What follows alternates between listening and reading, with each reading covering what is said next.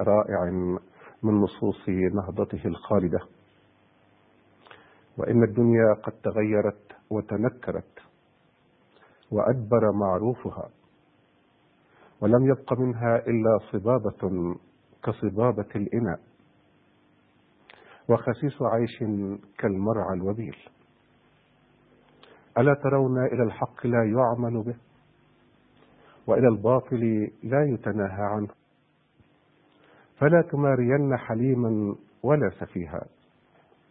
فإن الحليم يقليك والسفيه يؤذيك.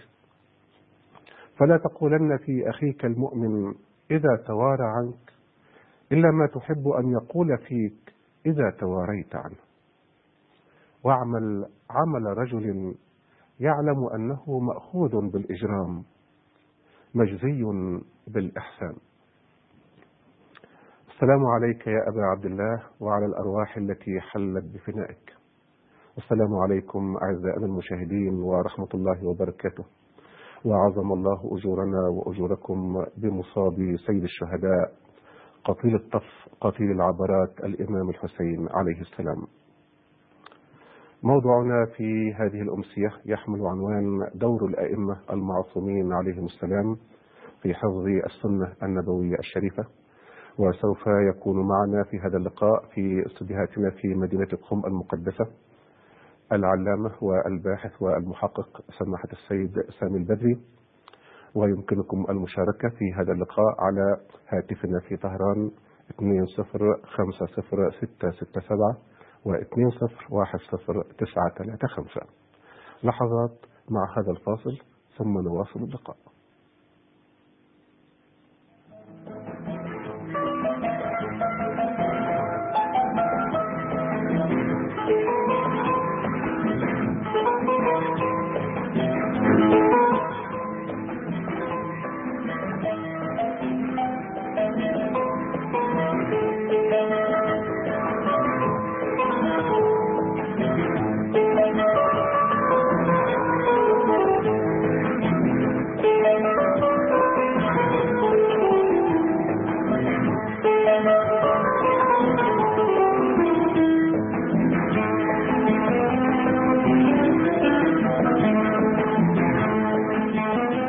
مرحبا بكم من جديد أعزائنا المشاهدين في قناتكم المفضلة قناة سحر الفضائية والتي تأتيكم من الجمهورية الإسلامية في إيران. كما ألمحنا موضوع هذه الأمسية يحمل عنوان دور الأئمة المعصومين عليهم السلام في حفظ السنة النبوية الشريفة. وسوف نتحدث حول هذا الموضوع في عناصره البارزة حتى نلم بهذا المحور المهم. ونحن نتحدث حول الإمامة الإلهية.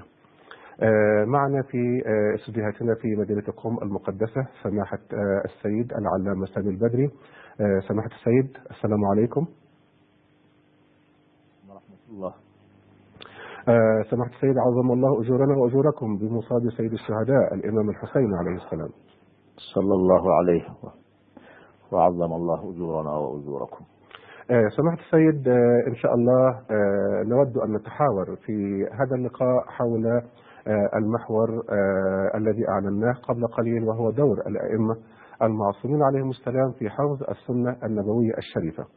ولكي ندخل في الموضوع نرى أن تعطوا للإخوة والأخوات المشاهدين فكرة ولو مختصرة في البداية حول موضوع مهم آخر يعتبر مقدمة في الواقع للحديث حول هذا المحور وهو نظرية الحكم في الإسلام.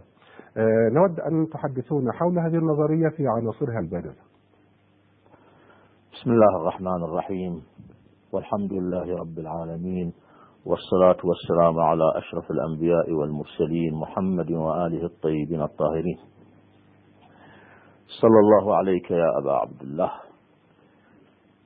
في الواقع كما بينت أن تعرضنا لنظرية الحكم إنما هو بقصد توضيح الخلط الذي حصل عند الكثير وأصر عليه البعض بين مفهوم الإمامة الإلهية ومفهوم الحكومة.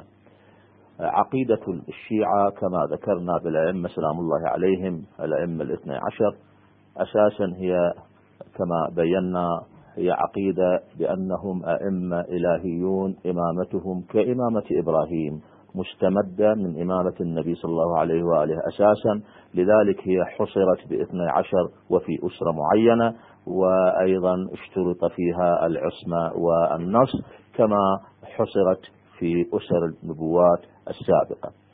آه، إلى جنب مفهوم الإمامة الإلهية هذه يأتي الحديث عن نظرية الحكم من أجل توضيح هذه المسألة أن الإسلام كدين إلهي آه، شامل آه، لكل ما يحتاجه الإنسان في حياته ومما يحتاجه الإنسان في حياته هو آه، الحكم وما يحتاجه الحكم من تشخيص المؤهل لممارسة الحكم وطريقة وصول المؤهل للحكم والموقف من الحاكم فيما لو لم يكن معصوما وأخطأ أو آه، ظلم وأصر على ظلمه. هذه العناصر الأساسية. نحن آه، نذكر هنا آه، فيما يرتبط بنظرية الحكم في الإسلام في الفكر الإمامي أنها تقوم على النص والبيعة والشورى. النص وظيفته تعيين المؤهلين للحكم الذين لهم لهم حق الحكم آه، سواء يعينهم النص بالاسم كما في النبي صلى الله عليه وآله وأوصيائه أو بالمواصفات كما هو الحال في عصر الغيبة حيث يعين النص المؤهلين بالمواصفات. أشهر النصوص القرآنية في هذا الصدد هو قوله تعالى إنا أنزلنا التوراة فيها هدى ونور يحكم بها النبيون الذين أسلموا للذين هادوا والربانيون والأحبار بما استحفظوا من كتاب الله وكانوا عليه شهداء. الآية تقرر قاعدة دستورية ليست فقط في الفكر الإسلامي برواية الإمامية أو بتفسيرهم بل قاعدة دستورية في حركة النبوات عموما وتقرر أن المؤهلين للحكم هم الأنبياء ثم الأوصياء والآية عبرت عنهم بالربانيين وهم معصومون وعلمهم إلهامي والأحبار الذين هم يحملون العلم على أساس الدراسة على يد الأوصياء. أما البيعة فهي وظيف فوظيفتها تمكين المنصوص عليه بالاسم أو بالمواصفات من أن ينهض بالحكم فعلا. وسيرة النبي صلى الله عليه وآله وسيرة الأئمة سلام الله عليهم خاصة الذين مارسوا الحكم أو مارسوا الثورة آه، توضح دور البيعة. آه، دور البيعة هنا لا لتأسيس الحق وإنما لتمكين المنصوص عليه لتمكين صاحب الحق آه، من أن يكون قادرا على ممارسة الحكم. أما الشورى فهي أسلوب ممارسة الحكم من قبل الحاكم فيما لا نص فيه. هناك دائرة واسعة مما لا نص فيه. قسم منها يرتبط وهو الأكثر يرتبط بقضايا الحرب والقضايا العملية اليومية. آه، سيرة النبي علمتنا أن النبي يستشير آه، أصحابه آه، بصفته حاكم وبصفة أن أصحابه هم الذين سوف يواجهون الحرب. أو يواجهون تلك القضية, القضية العملية.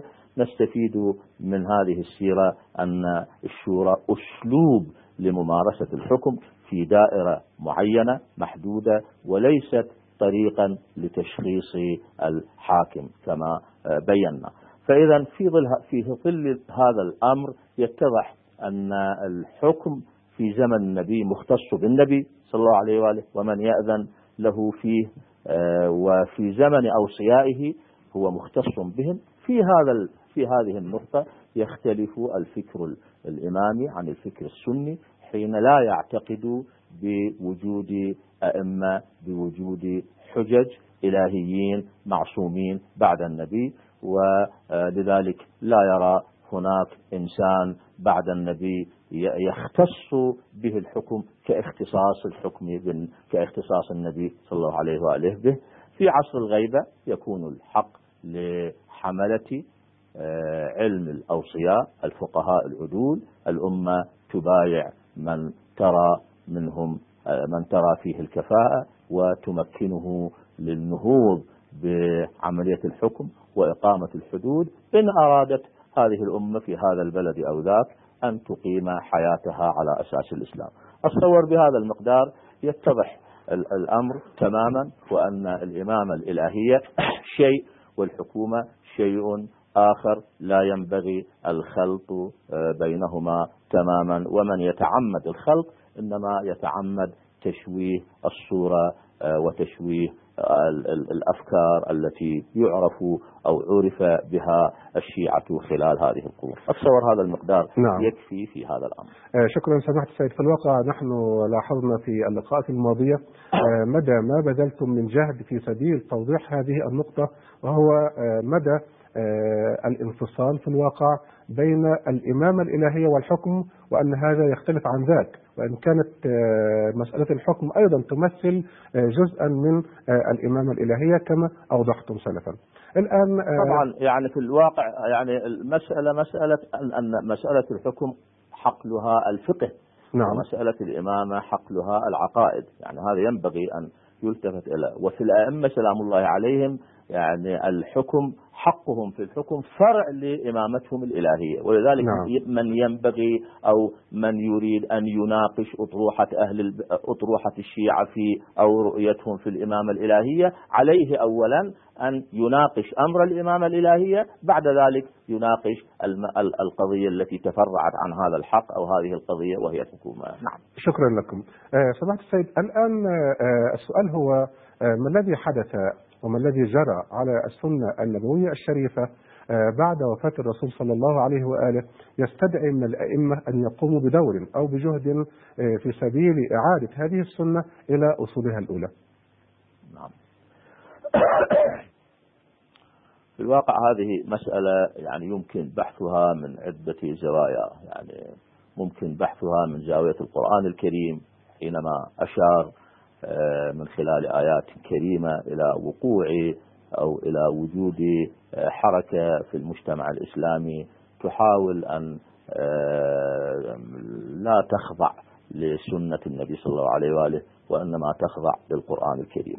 وأيضا يمكن بحثها من زاوية الحديث حيث أن الأحاديث النبوية في الكتب وبخاصة الكتب السنية المعتبرة كصحيح البخاري وصحيح مسلم أيضا توجد روايات كثيرة آه، تؤكد هذه الحقيقة. ويمكن أيضا بحثها من الزاوية التاريخية. آه، نحن نحاول فقط أن نسلط الضوء أن آه، هذه الحقيقة التي جاء بها الإسلام أن الدين عبارة عن كتاب وسنة. فإذا قرأناه فاتبع قرآنه ثم إن علينا بيانه.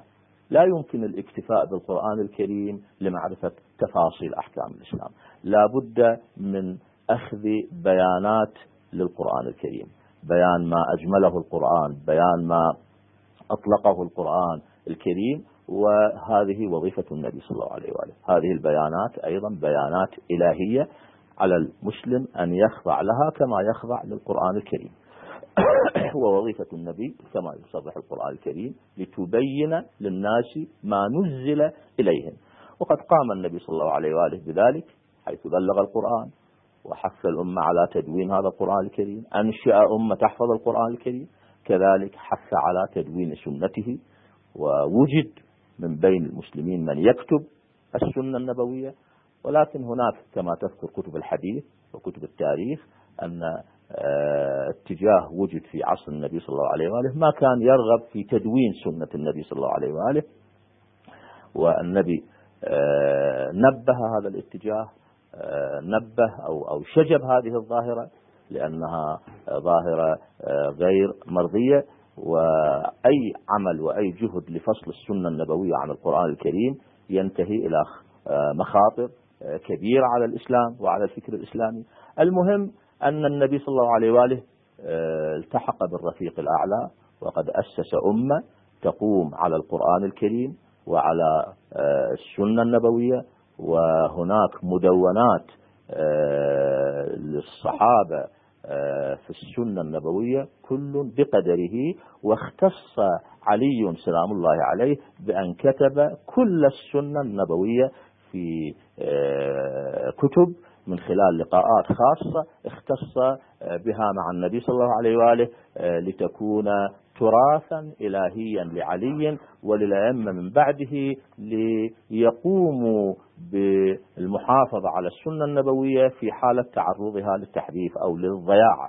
الذي حصل تاريخيا بعد النبي صلى الله عليه وآله أن قدر للاتجاه الذي كان لا يرغب في تدوين السنة أو لا يرغب في أن تكون السنة إلى جنب القرآن الكريم قدر لهذا الاتجاه آه، القرشي وفي الحقيقة يتمثل بالمسلمين الأوائل من قريش قريش المسلمة قدر لها أن آه، تتسلم زمام الأمور. لا نريد أن نخوض في ظروف وفي حوادث هذا الأمر وإنما نأخذ الأمر كحقيقة واقعة أن قريش المسلمة لما حكمت وقد حكمت تقريبا 23 أو 24 سنة من خلال الخلفاء الثلاثة.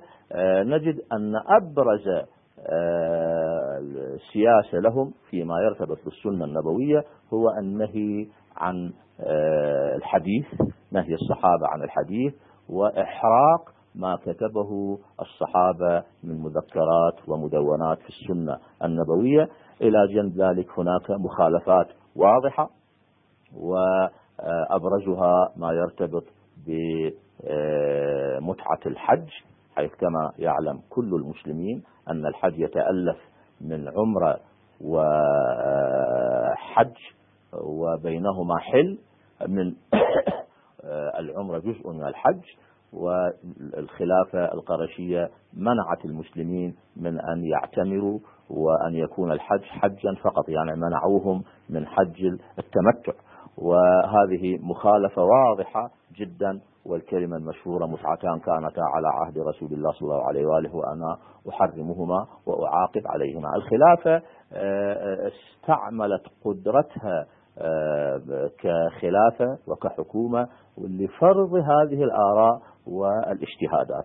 أنتجت هذه السياسة آه، جهلا بالسنة ليس عند الصحابة أو عند الذين عاصروا النبي صلى الله عليه وآله وإنما عند أهل البلاد المفتوحة. وذلك لأن الخلافة قامت بعمل كبير جدا وهو توجيه وتحريك المسلمين بالاتجاه باتجاه الشعوب ودخلت الشعوب للإسلام طواعية ولكنها مع الأسف هذه الشعوب جهلت السنة النبوية بفعل هذه السياسة. فإذا آه، بين أيدينا مجتمع كبير يعني المجتمع الإسلامي كان على طبقتين طبقة الصحابة الذين عاصروا النبي صلى الله عليه وآله وطبقة أهل البلاد المفتوحة شرقا وغربا وهم كثيرون جدا آه، هؤلاء أبرز صفة فيهم أنهم جاهلون بسنة النبي جاهلون بتاريخ آه، النبي بسيرة النبي صلى الله عليه وآله فقط يقرؤون القرآن ولا وممنوع أن يسألوا عنه التفسير ويعرفون بعض السنن العملية المحدودة جدا. هذا طبعا يعتبر ضياع للسنة النبوية آه، من ناحية من ناحية أخرى تجهيل لهؤلاء الناس بنصف دينهم الأهم لأنه يرتبط بالتفاصيل نعم. التاريخ يسجل لنا أرقاما كثيرة آه، لا مجال لكي ندخل في تفاصيلها وإنما أنا أعرض فقط آه، الأفكار العامة ولمن أراد التفصيل عليه أن يرجع إلى كتاب معالم المدرستين آه، للعلامة العسكري الجزء الأول أو يرجع إلى تدوين السنة النبوية للعلامة آه، الشهرستاني السيد علي الشهرستاني وعلماء آخرين كتبوا في هذا الميدان وأيضا إلى كتابنا شبهات وردود حيث ذكرنا طرفا من ذلك. لما جاء علي سلام الله عليه قام آه، بنهضة إحيائية للسنة النبوية. طبعا بدأ علي سلام الله عليه بإحياء السنة قبل أن يبايع على الحكم بدأ بدأها بالضبط على ما توصلنا إليه من خلال بحوثنا في هذا الحقل آه، سنة 27 أو 28 يعني قبل ثمان أو سبع سنوات من قتل آه، عثمان. وذلك لأن المجتمع أو قريش الحاكمة آه، في عهد عثمان انشقت آه، بسبب آه، حصر عثمان الولايات في أسرته. وعزل وجوها من قريش وحرم وجوها أخرى. فتجمع المتذمرون عمرو بن العاص الزبير طلحة ومعهم عائشة أيضا ومجموعة أخرى عبد الرحمن بن عوف. وصاروا آه، يشكلون محورا قرشيا معارضا للسلطة. وتعمق هذا تعمقت هذه المعارضة نتيجة آه، أخطاء واضحة وكبيرة في سياسة آه، ولاة عثمان من بني أمية. تعاظم الانشقاق. هنا السلطة الحديدية التي كانت تمتلكها قريش المسلمة على المسلمين بدأت تضعف وبدأ المتذمرون يستخدمون سلاح الحديث النبوي ضد الطرف الآخر. وكسروا بأنفسهم آه، سياسة منع الحديث. هنا علي سلام الله عليه آه، بدأ يعني جمع أصحابه آه، المقداد عمار أبو ذر وتدارس معهم الأمر وأخبرهم أن هذا الانشقاق سوف يستمر. نحن الآن نبدأ بعملنا الإحيائي لسنة النبي صلى الله عليه وآله وأعلن عن عزمه على أن يقوم بحج التمتع يحيي سنة النبي في حج التمتع في تلك السنة وفعلا شهدت تلك السنة حركة إحيائية لسنة النبي صلى الله عليه وآله لأحاديث النبي الممنوعة في فضل أهل بيته في حق أهل في حق علي وفي هذه الفترة يؤثر عن أبي ذر أنه وقف عند باب البيت أمام جمهور الطائفين وحدثهم بحديث الثقلين وحديث الغدير وفي الجمرة الوسطى أيضا حدثهم بذلك وبسبب هذا نفي أبو ذر من بلد إلى بلد ثم نفي إلى الربذة. انتهت هذه الحركة الإحيائية لسنة النبي. آه، انتهت في الحقيقة آه، بأن آه، الأمة وعت موقفها وعت الحقيقة ولما نضجت الحركة السياسية القرشية وقتل عثمان وكانت الحركة تتوقع أن يبايع طلحة لكن الأمة هرعت إلى علي عليه السلام وبويع وواصل علي عليه السلام عمله الإحيائي في نشر السنة وفي تطبيقها وكانت آه، حصته في العراق هي الحصة أو حصة العراق منه هي الحصة الأوسع. واستطاع سلام الله عليه خلال السنوات الخمس أن يربي ثلة آه، من العراقيين يحملون آه، سنة النبي ويحملون المعتقد الذي تفرضه أحاديث النبي فيه الذي تفرض يفرضه القرآن الكريم بتفسير النبي في علي وفي أهل بيته. وهنا نكون أمام الإحياء أمام إحياء تام لسنة النبي صلى الله عليه وآله. نعم. بقيت الشام محرومة يعني أهل البلاد المفتوحة شرقا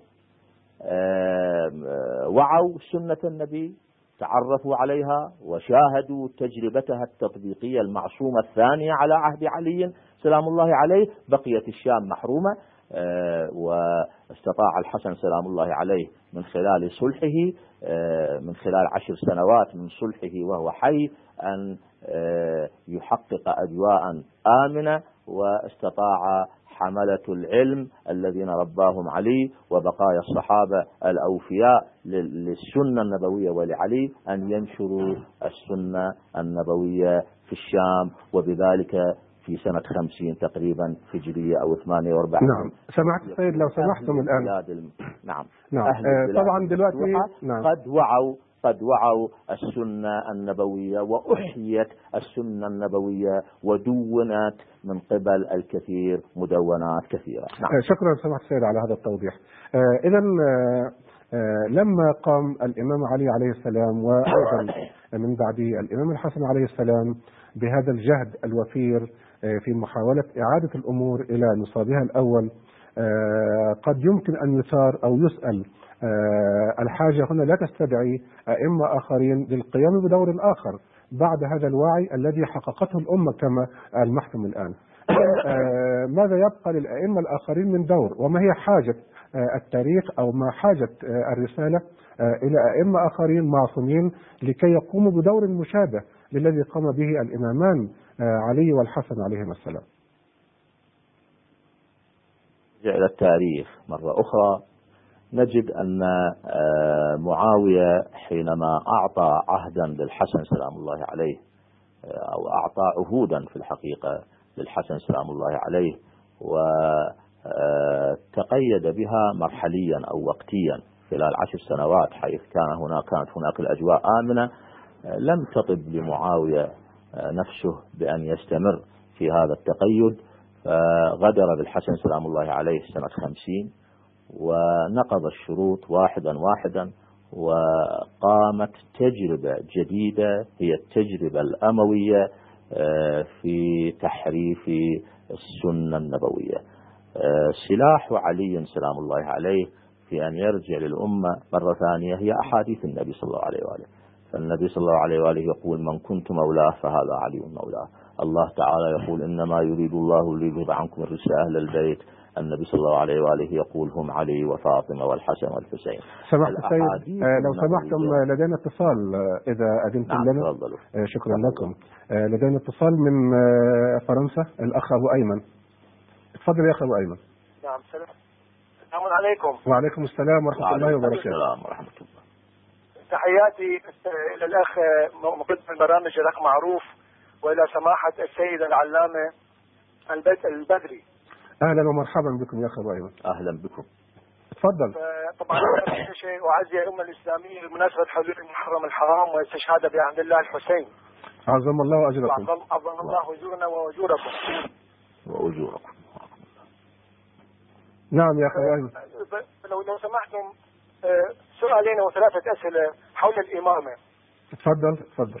السؤال الأول بالنسبة للإمامة الإلهية الذي تفضلتم بها قبل قليل آه، هل هذه الإمامة الإلهية هي مخصوصة فقط بالإسلام أم أن هذه الإمامة الإلهية هي شيء موجود حتى عند الأديان السابقة؟ ولو أخذنا حديث الرسول صلى الله عليه وآله وسلم حيث قال لكل نبي وصي ووارث ووصي ووارثي هو علي. فهل ن- نستطيع أن نقول بأنه الوصاية والوراثة هل لها علاقة بالإمامة؟ آه، طبعا أخ أبو أيمن. السؤال الثاني. أخ أبو أيمن. ال- بالنسبة للسؤال الأول في اللقاء الماضي وقبل الماضي آه، أعتقد آه، سماحة السيد سامي البدري أجاب عن هذا السؤال وقال نعم. إن أيضا النبوات السابقة هذا البرامج آه. الماضي. نعم. إذا يمكن أن لو لو, سمحت السؤال الثاني. تفضل تفضل. بعض ذهب بعض ال- ال- المفكرين والمجتهدين وأئمة ال- آه، في ال- الإمامية الاثنى عشرية. وقالوا بأن بأفضلية الإمام علي عليه السلام آه، على بعض الأنبياء. فهل آه، يا ترى هذه الأفضلية الإمام علي عليه السلام بالنسبة للأنبياء هذا شيء وارد وهل هذه الأفضلية تتعلق فقط بالإمام علي أم آه، تنطبق أيضا آه، على سائر ال- اللي هي الاثنى عشر. والسلام عليكم ورحمة الله وبركاته. وعليكم السلام ورحمة الله وبركاته. آه، سماحة السيد آه، الأخ أبو أيمن آه، طرح سؤالين كما استمعتم. السؤال الأول يدور حول موضوع الإمامة الإلهية. هل أن آه، هذه الظاهرة الموجودة في الإسلام كانت موجودة أيضا في النبوات السابقة؟ آه، نرجو الإجابة. طبعا نحن نعم. أشرنا نعم نحن أشرنا في الحلقات السابقة آه، بشكل واضح. نعم. فقط موضوع الوراثة. نعم أن ال- الإمامة الإلهية تورث ولكن بأمر إلهي. لذلك قال قال إبراهيم في في في قضية الإمامة لما في قوله تعالى وإذ ابتلى إبراهيم ربه بكلمات فأتمهن قال إني جاعلك للناس إماما قال ومن ذريتي نعم. أن هذا هذا الموقع الإلهي يورث ولكن بأمر إلهي ويشترط فيه العصمة ولذلك أيضا هو محدود في أسرة وفي بعدد معين. آه، أما الحكم حق الحكم لا يورث وإنما هو للفقهاء العدول والأمة تختار من بينهم. هذا فرق أساسي ينبغي الالتفات إليه. نعم. مسألة الأفضلية هي خارجة عن موضوعنا في الحقيقة ولكن نشير إليه. لو سمحتم قبل الإشارة سمحت السيد. إنما سماحة نعم. السيد. آه، قبل آه، قبل أن نشير إلى موضوع الأفضلية آه، نتوقف قليلا مع هذا الفاصل ثم نستأنف اللقاء إن شاء الله. شكرا. أهلا مرحبا تفضل.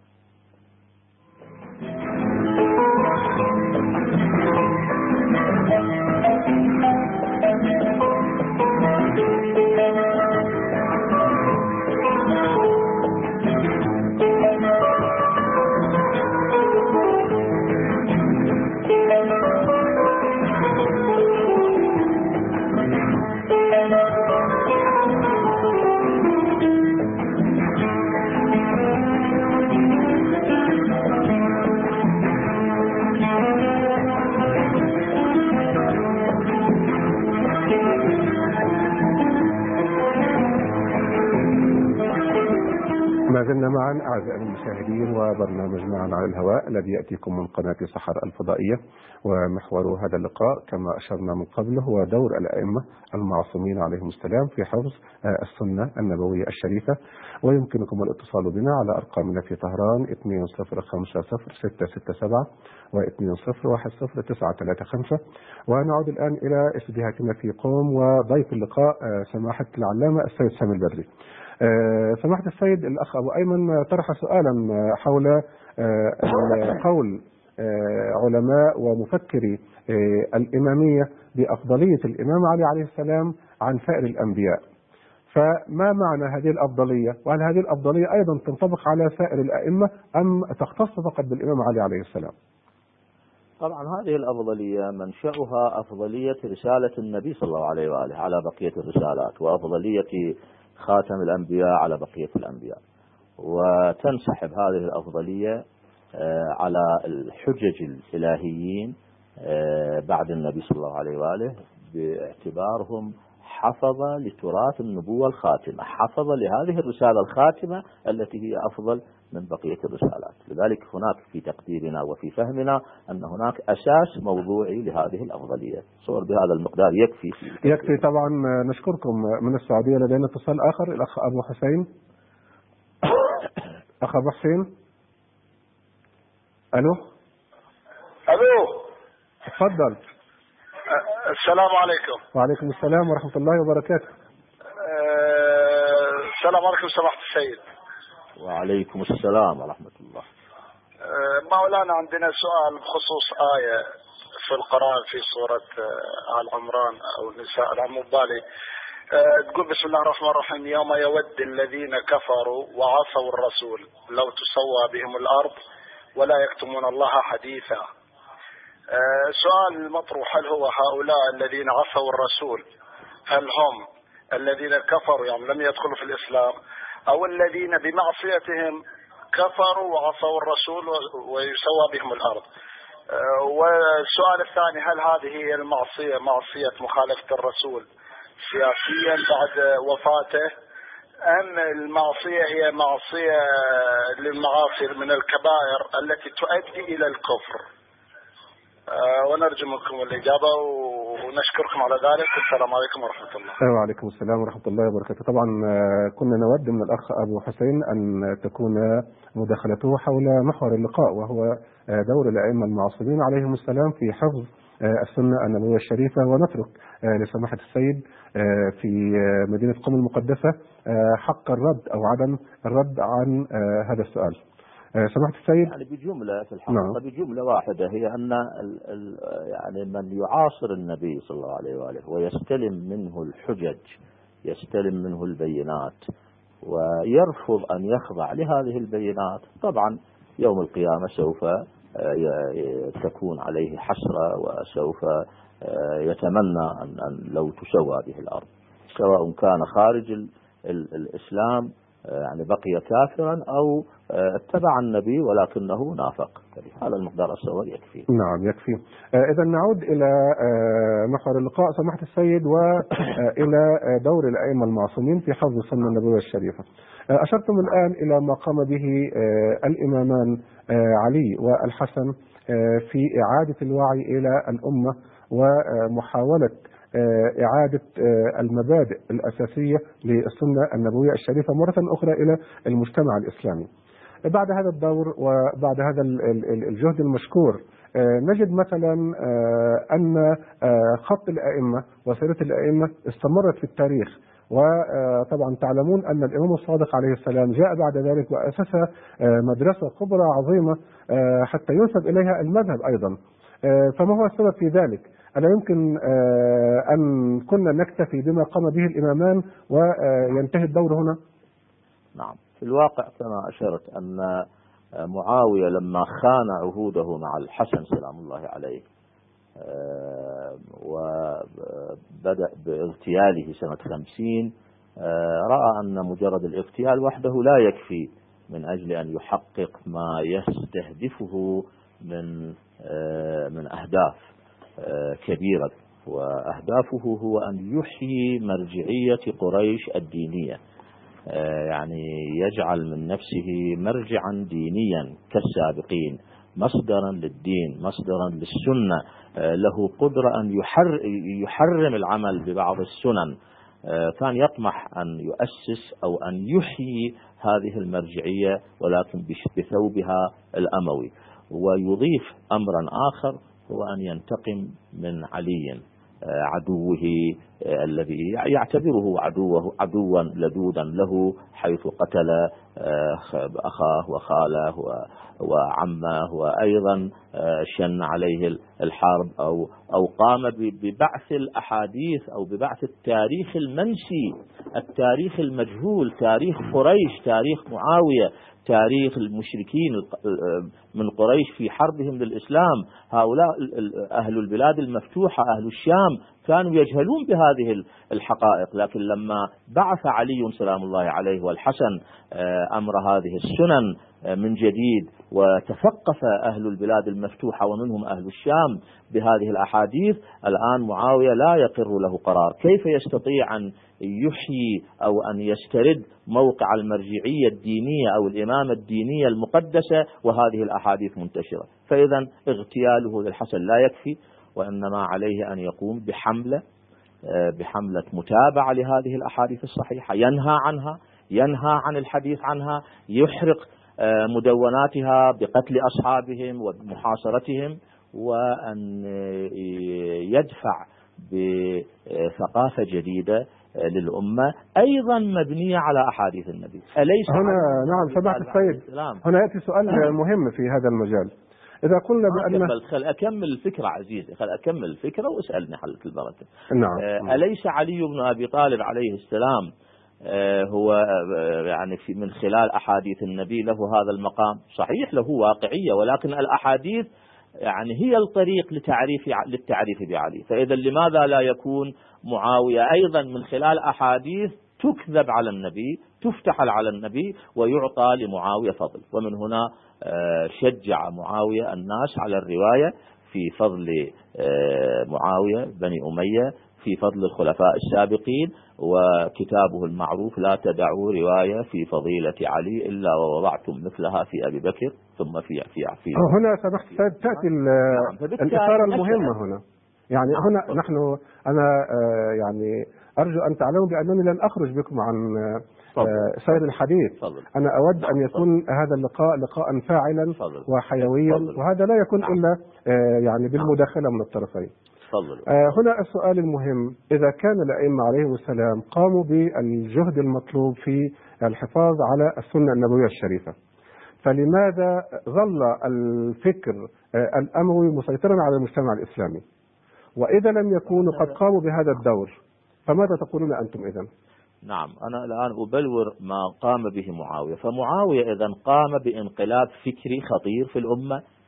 حين طوق السنة النبوية الصحيحة التي انبعثت بجهد علي سلام الله عليه والحسن خلال خمسة عشر سنة وتربت تربى أهل البلاد المفتوحة عليها وعرف هؤلاء الناس مرجعية علي الدينية إمامته الإلهية وإمامة أهل بيته. عمل معاوية على تطويق هذه المعرفة الدينية الصحيحة. الحديث النبوي الصحيح وقدم للأمة أحاديث نبوية مكذوبة في مقابلة كل تلك الأحاديث. نعم أعطينا فرصة سماحة السيد لأحد الاتصالات من الخارج من ألمانيا. الأخ أبو زهراء. أخ أبو زهراء تفضل. السلام عليكم. وعليكم السلام ورحمة الله وبركاته.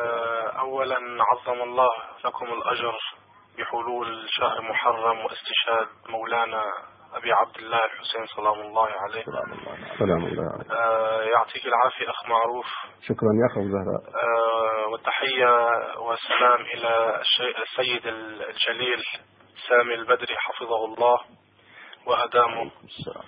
آه لي كلمات في آه ذكرى وبالنسبة لحفظ الإمامة للسنة النبوية الشريفة حفظ الأئمة للسنة النبوية الشريفة وبذكرى هذه الدماء العطرة.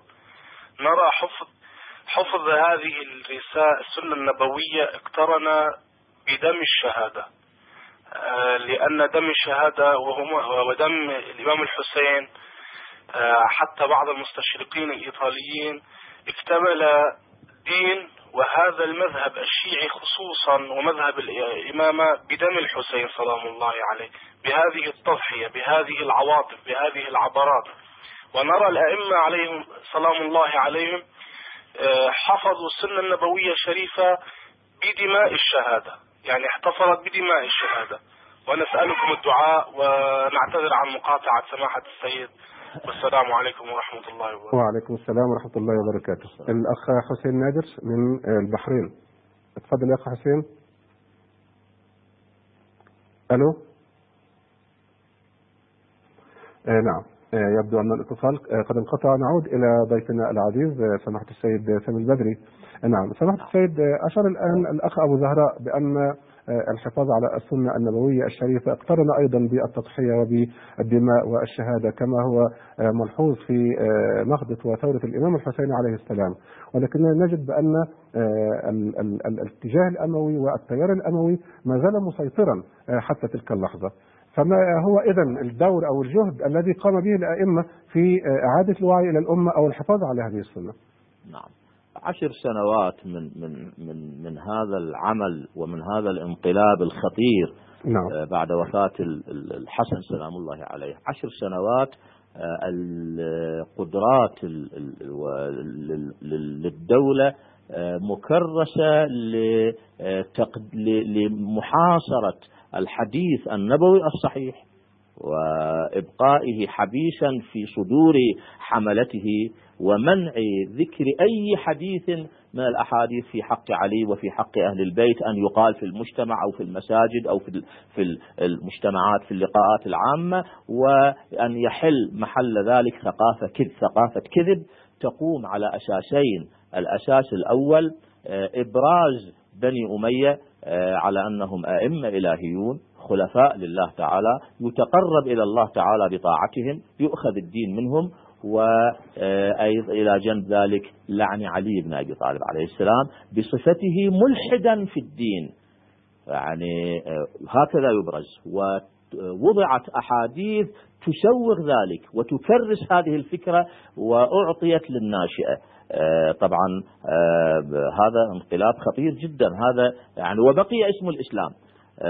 علي سلام الله عليه الذي قام الإسلامي قام الإسلام بجهده أحيت السنة النبوية بجهده الآن يبرز بصفته ملحدا ويتقرب إلى الله تعالى بلعنه. المجتمع خلال عشر سنوات الجيل الجديد من المجتمع الآن يفهم عليا عدو لله يلعن علي بن أبي طالب عليه السلام. هذه سمح السيد لدينا اتصال لو سمحت. بهذه الثقافة. من المغرب الأخ عبد الله. الثقافة. لو استمرت إلى اليوم معنى ذلك ألو؟ معنى ذلك أن الدين انتهى. السلام عليكم. لأنه هذا أخطر من. السابق. معذرة ألو؟ سماحة السيد نعم. تفضل يا أخ عبد الله السلام عليكم. عليكم السلام ورحمة الله وبركاته. بسم الله الرحمن الرحيم. إنه قول فصل وما هو بالهزل ولا ينكره قلب أحد إلا من كفر بكل الأنبياء والرسل. إنه كلام الإيمان. نعم إن عندي علم الكتاب ومع هذا عليكم أن تتمعنوا جيدا. ما جاء بالمقتطعين. فقد جاء ذكر علي بن أبي طالب. وستفهمون جيدا كل شيء ولكن أتعلمون من يكلمكم باسم عبد الله؟ أدركتم المعنى لقول رسول الله صلى الله عليه وسلم أنا مدينة علم وعلي ببابها. فمن قام نيابة عني بتقديم رسالة البراءة باديا ببعض الفضائيات الإخبارية حيث أسمع صوته عليها معلنا لمن قطعت عنهم الأخبار بوجود الإمام المنتظر وظهوره فهمتم قول رسول الله صلى الله عليه وسلم لا يبلغ عني إلا علي ولا يودي عن ولا يودي عني إلا علي. فقد كان عبد الله كريما حيث تكلف بادئا بأداء الفاكسات معتمدا على مكسبه الخاص. ولولاه لبقيت صامتا مكتوف الأيدي من جراء تأمر الناس على رزقي. ولبقيت أنتظر أرتقب حتى أسلم الكل للعذاب. وما يكون لهم علي من حجة إلا أنني أرسلت لهم عن طريق أكابرهم لكن أكابرهم حجبوا عنهم الرؤيا بعدة سنين. وإذا فليحمل أكابرهم أثقالهم وأثقالا مع أثقالهم. نعم إن حياة رسول الله الرسول الثانية هي امتداد لحياته الأولى وممتدة لها. فكانت سورة التوبة براءة كاستئناف للحكم السابق ويؤيده فيحدث الموت حيث يكون زمنه يساوي صفرا فيذهب زمن الموت كارتداد البصر في طرفة عين. وتتتمم القصة ويأمر علي بأن يتابع المسيرة فقد كانت براءة من آخر ما نزل من القرآن وبآخر زمن من حياة الرسول الأولى وهذه السورة الكريمة نزل على رسول الله صلى الله عليه وسلم لما رجع من غزوة تبوك. آخر غزوة غزاها بنفسه. عندما آدم صلى الله عليه وسلم وتستأنف القسط الآن بالنيابة كذلك فيتمم علي بن أبي طالب ما نقص من أمر. وقد بقيت بقيت سورة التوبة بدون بس بسم الله الرحمن الرحيم. ولا يجرؤ أحد أن يضعها حتى يضعها صاحبها. في مكانها السليم وهناك أمور تنكرونها. ببقية الكتاب فقد جاء بالسفر السابق ذكره لإشعية 48 واليوم أسمعكم بما يحدث وبأمور مخفية لا تعرفونها. أخ عبد الله أخ عبد الله لو سمحت آه، الرسالة طبعا وصلت. نشكركم على هذه الرسالة ومفهوم تماما ما أردتم قوله. ونحن نشكركم على هذا الاتصال وهذه المشاركة. شكرا لكم. ونعود الآن إلى ضيفنا في قوم المقدسة سماحة العلامة السيد سامي البدري. نعم سماحة السيد نرجو المزيد من الإنارة حول ما كنا فيه من امتداد دور الأئمة في محاولة الحفاظ على السنة النبوية الشريفة بعد الإمام الصادق عليه السلام. إذا لاحظت هنا أن آه، معاوية آه، هذا الانقلاب الذي قام به أودى بالسنة وأبرز للأمة سنة مكذوبة تقوم على أساس لعن علي. أبرز دينا مضمونا جديدا للإسلام. حتى يعني صدق قول النبي صلى الله عليه وآله لم يبقى من الإسلام إلا اسمه. أو لبس كما قال أمير المؤمنين عليه السلام لبس الإسلام لبس الفروة مقلوبة. من الذي أعاد السنة النبوية للمجتمع من جديد؟ كيف عادت أحاديث النبي في فضل أهل بيته من جديد؟ الذي نجده اليوم في البخاري ومسلم والسنن الأربعة في كتب السنة في كتب الحديث السنية فضلا عن الكتب الشيعية بأي جهد؟ لولا الحسين هنا سلام الله عليه لما وجدنا شيئا من ذلك في كتب الحديث اليوم. للحسين سلام الله عليه لحركة الحسين ونحن في أيامه في ذكرى حركته المباركة. حركة آه، الحركة التي أعادت للأمة آه، مضمونها أعادت للإسلام مضمونه النبوي الأصيل مضمونه المحمدي الأصيل أعادت للأمة السنة النبوية الصحيحة. آه، تحرك الحسين سلام الله عليه رفض أن يبايع طبعا الحسين سلام الله عليه عشر سنوات في عهد هذا الانقلاب كان ساكتا. لم آه، يقدر أن يتحرك آه، في في عنفوان هذا الانقلاب. وإنما قدر بعهد إلهي وصله إلى النبي صلى الله عليه وآله أن يترك الأمور تتضح وتتبلور ويتحرك بعد موت معاوية. وهكذا حصل أن الحسين سلام الله عليه آه، حينما آه، مات معاوية وطالبه يزيد بالبيعة عبر واليه آه، والي المدينة الحسين سلام الله عليه تلطف معه وخرج في اليوم الثاني إلى مكة وهناك أعلن أنه لا يبايع. كيف يبايع؟ كيف آه، يقر الحسين سلام الله عليه آه، أو يبايع نظاما يبتني على أساس تقديم لعن علي آه، كجزء من الدين؟ يبتني على تقديم الأحاديث المكذوبة على أنها هي الأحاديث أو هي الإسلام الصحيح. لا يمكن. يعني تماما كقول جده رسول الله صلى الله عليه وآله. لما عرض عليه أبو طالب عروض قريش في أن يكف قال يا عم لو وضعوا الشمس في يميني والقمر في شمالي على أن أترك هذا الأمر ما تركته أو أهلك دونه. آه، شكرا. سمحت السيد لدينا اتصال. لو سمحتم. نعم. آه، من فلسطين الأخ أبو علي. تفضل يا أخ أبو علي. السلام عليكم ورحمة الله وبركاته. وعليكم وعليكم السلام. ورحمة الله وبركاته.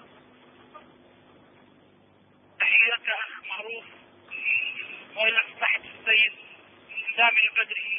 مرحبا يا أخ أبو علي. عليكم السلام. عظم الله عظم الله أجورنا وأجوركم بمصاب الحسين أبي عبد الله عليه السلام. عظم الله أجركم. عليه وأنا أريد أن أوجه سؤال لسماحة السيد نعم.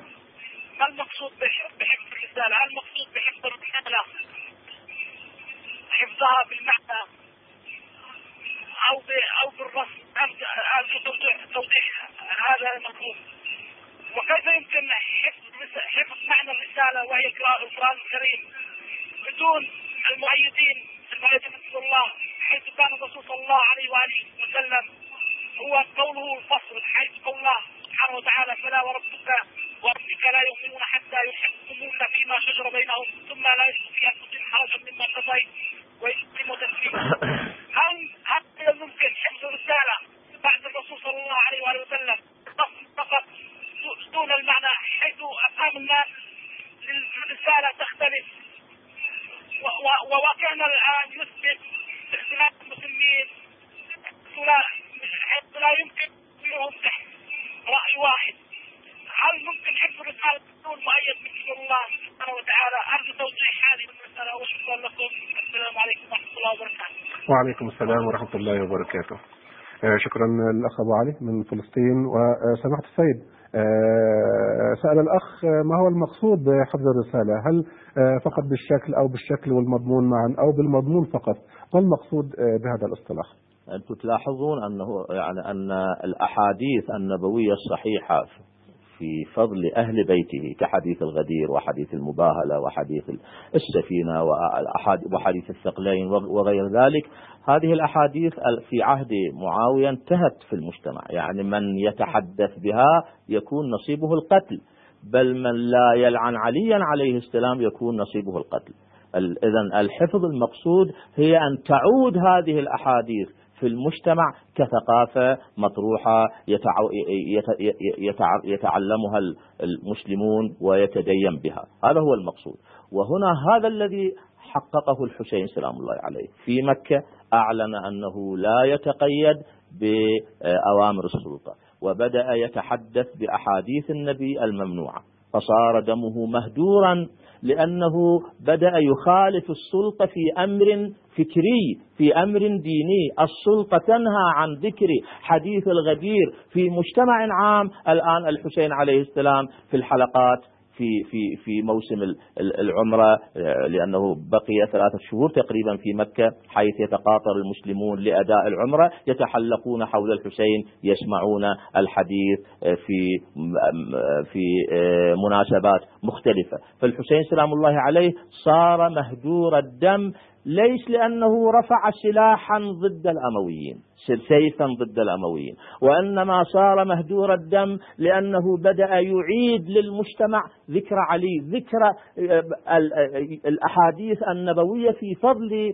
أبيه وفي فضل آه، أهل بيته. آه، هذه الحركة طبعا كحركة النبي صلى الله عليه وآله. بدأ يذكر الحسين سلام الله عليه المسلمين بأحاديث النبي صلى الله عليه وآله وبالمر الذي تعيشه الأمة المر في جوانبه المختلفة ولكن أعلاه هو مر تحريف السنة النبوية. آه، وبدأ كما قام جده بطلب النصرة لكي آه، يؤدي تبليغ هذه الأحاديث للأمة ويقاوم آه، الفئة التي نهضت بعملية التحريف. استجاب له آه، شيعة أبيه وكان على موعد معهم بايعه قسم منهم في مكة وبقوا معه. والنصف الثاني ذهب إلى العراق ليهيئ الأجواء له كما حصل مع النبي صلى الله عليه وآله ولكنه قتل في منتصف الطريق أو أحيط به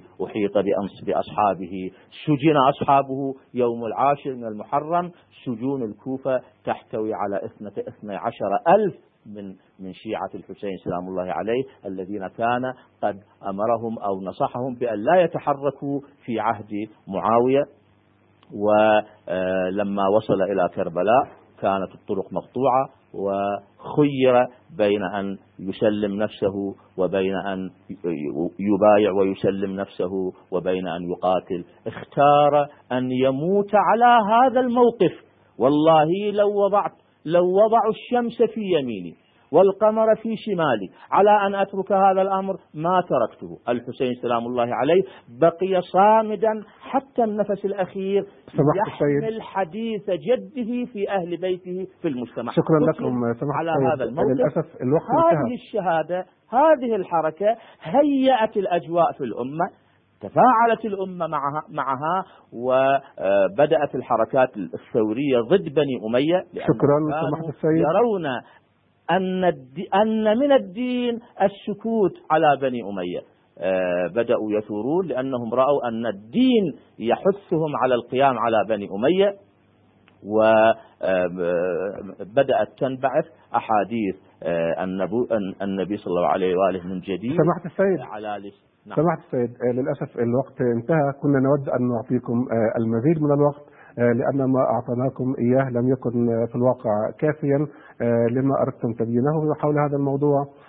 نحن نكتفي بما أوضحتموه وسوف نلتقي إن شاء الله في القابل. نشكركم على هذه الإنارة حول موضوع هذا اللقاء وهو دور الأئمة المعصومين في الحفاظ على السنة النبوية الشريفة. ونشكر أيضا الإخوة والأخوات المشاهدين الذين شاركونا أو تابعونا في هذا اللقاء.